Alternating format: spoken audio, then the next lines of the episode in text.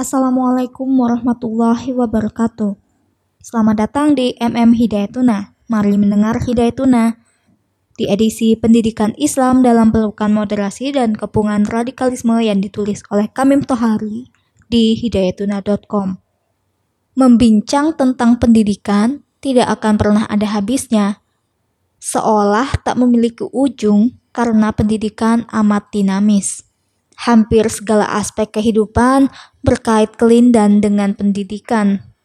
Tak terkecuali nasib dalam berbangsa dan bernegara di masa mendatang akan sangat ditentukan oleh pendidikan dalam menanamkan nilai-nilai moderasi di tengah kemajemukan bangsa Indonesia. Pendidikan menjadi ujung tombak dalam menanamkan moderasi, atau bahkan bibit radikalisme sekalipun. Terlebih tentang penanaman radikalisme, jamak kita ketahui praktik penanaman radikalisme di kalangan pelajar bak jamur di musim hujan, tumbuh subur di mana-mana. Sekolah, baik negeri maupun swasta, adalah tempat bagi kelompok Islam garis keras untuk menyusupkan paham radikalisme sejak dini, baik lewat pengajaran maupun lewat sebuah organisasi. Dalam berbangsa dan bernegara di Indonesia, umat Islamlah yang paling bertanggung jawab. Sebab, sebagai mayoritas di tengah-tengah kemajmukan, umat Islam haruslah menunjukkan sisi keramahannya. Umat Islam harus mampu menjadi perekat, bukan penyekat. Umat Islam harus mampu menjadi pemersatu, bukan pemecah belah. Serta, umat Islam harus mampu menjadi peneduh, bukan penggaduh. Dengan demikian, kita akan menunjukkan wajah Islam yang sesungguhnya. Sebab non-muslim itu tidak bisa membaca Al-Quran dan tidak pula memahami hadis. Non-muslim melihat Islam dari perilaku atau akhlaknya. Dengan berperilaku rahmah, moderat, dan toleran, umat Islam tidak perlu sibuk mengeluarkan dalil, baik Al-Quran maupun hadis, demi menunjukkan sisi Islam itu agama yang ramah. Sebagaimana dituturkan oleh Kiai Haji Hussein Muhammad dalam bukunya Islam Tradisional yang terus bergerak, ia mengatakan bahwa praktik-praktik kerjasama saling menghormati antar pemeluk agama sangat populer dalam masa-masa awal Islam. Mereka saling belajar dan menimba ilmu pengetahuan. Diceritakan bahwa Maulana Jalaluddin Rumi Sufi, dan penyair terbesar Persia memiliki mahasiswa dari beragam agama, baik dari Islam, Yahudi, Kristen, bahkan dari Zoroaster.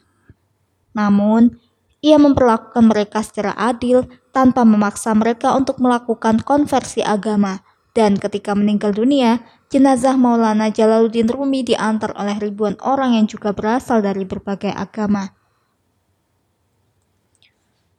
Wajib dicatat, bahwa Islam adalah agama dengan misi utama rahmatan lil alamin, yakni agama yang menyebarkan kesejukan, kedamaian, keselamatan, dan kesejahteraan tidak hanya kepada pemeluknya semata, tetapi juga kepada umat lain, tak terkecuali seluruh makhluk dan alam semesta. Islam rahmatan lil alamin membuat semua nyaman dan aman, bukan membuat orang lain ketakutan dan merasa dilecehkan dan dizalimi umat Islam harus berperan aktif dalam menjaga keharmonisan dan keragaman bangsa Indonesia.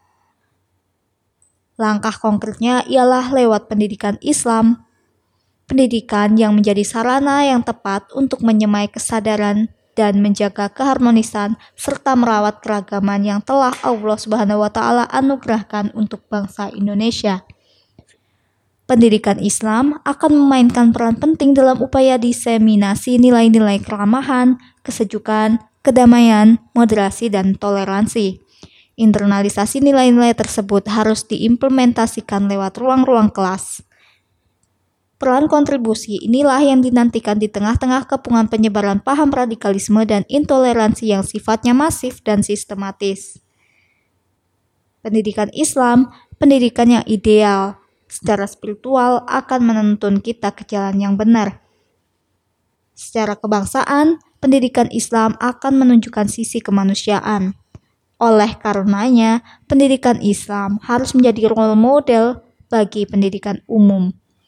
Pendidikan Islam harus mampu menjawab segala permasalahan yang tengah dihadapi saat ini. Pendidikan seharusnya bukan lagi dipahami sebagai upaya mengubah yang belum tahu menjadi tahu, belum bisa menjadi bisa, dan dari kegelapan menuju ketercerahkan. Lebih daripada itu, puncak pendidikan ialah learn to live together mampu menjadikan seseorang hidup berdampingan dengan manusia lainnya secara harmonis. Rasa saling peduli dan sikap toleransi yang kesemuanya itu bisa didapatkan dalam praktik pembelajaran di pendidikan Islam. Perlu diketahui, orang dengan pendidikan yang tinggi sekalipun tidak menjamin akan berpihak pada kebenaran. Begitupun dengan kelompok radikalisme dan intoleransi. Mereka bukannya tidak berpendidikan sama sekali, bahkan rata-rata mereka berpendidikan tinggi. Hanya saja pemahaman Islamnya yang bermasalah. Hingga tak memiliki kepedulian dengan sesama, intoleransi, dan radikalisme yang arah ekstrimnya menjadi teroris. Celakanya, itu semua dilakukan atas nama membela agama Islam. Seketika saya teringat pesan Gusmus yang berbunyi, yang menghina agamamu tidak merusak agamamu. Yang merusak agamamu lah yang justru perilakumu yang bertentangan dengan ajaran agamamu. Sejatinya, Kementerian Agama Republik Indonesia melalui Ditjen Pendidikan Islam sudah menerbitkan sebuah buku panduan untuk sekolah baik jenjang dasar hingga atas Buku berjudul Implementasi Moderasi Beragama dalam Pendidikan Islam ini sebenarnya layak dibaca, dikaji, dan dijadikan acuan dalam penerapan pembelajaran tentang moderasi beragama. Namun pada kenyataannya, banyak guru yang tidak tahu. Kalaupun tahu, belum tentu paham betul apa itu moderasi beragama, sehingga yang terjadi ialah nir pemahaman dari pelajar kaitan wacana moderasi beragama. Di sinilah pentingnya membekali guru dengan materi-materi moderasi beragama sekaligus pelaksanaannya di sekolah. Agar para guru mampu memberi pembelajaran tentang moderasi beragama yang tepat, baik dan benar kepada pelajar. Mengingat, buku tersebut hadir sebagai respons dan jembatan untuk meluruskan pemahaman yang sempit yang mengarah pada sikap dan ekspresi keagamaan yang konservatif. Dengan demikian, pendidikan Islam akan benar-benar mampu mencetak pelajar Islam yang rahmatan lil alamin. Sebab hakikat terbesar Islam rahmatan lil alamin ialah kesejukan, kedamaian, dan persaudaraan. Bukan yang ontran-ontran, sama sekali bukan yang menang-menangan dan menyalah-nyalahkan. Jadi, penanaman nilai-nilai moderasi beragama dan mempraktikkannya di tengah masyarakat yang majemuk ini bukan lagi semata-mata impian belaka. Dengan demikian, pendidikan Islam mampu menjadi bagian yang memberikan kontribusi positif. Kontribusi yang dimaksud ialah terhadap pembinaan sikap moderasi para pelajar dan mahasiswa, sebab mereka-mereka lah yang kelak akan menjadi agen moderasi beragama serta pemimpin dengan sikap moderat. Sebab kaum muslimin yang paling mampu memimpin tanpa memberangus hak-hak beragama mereka yang keyakinannya berbeda. Terima kasih telah mendengar MM Hidayatuna. Mari mendengar Hidayatuna bersama Candela.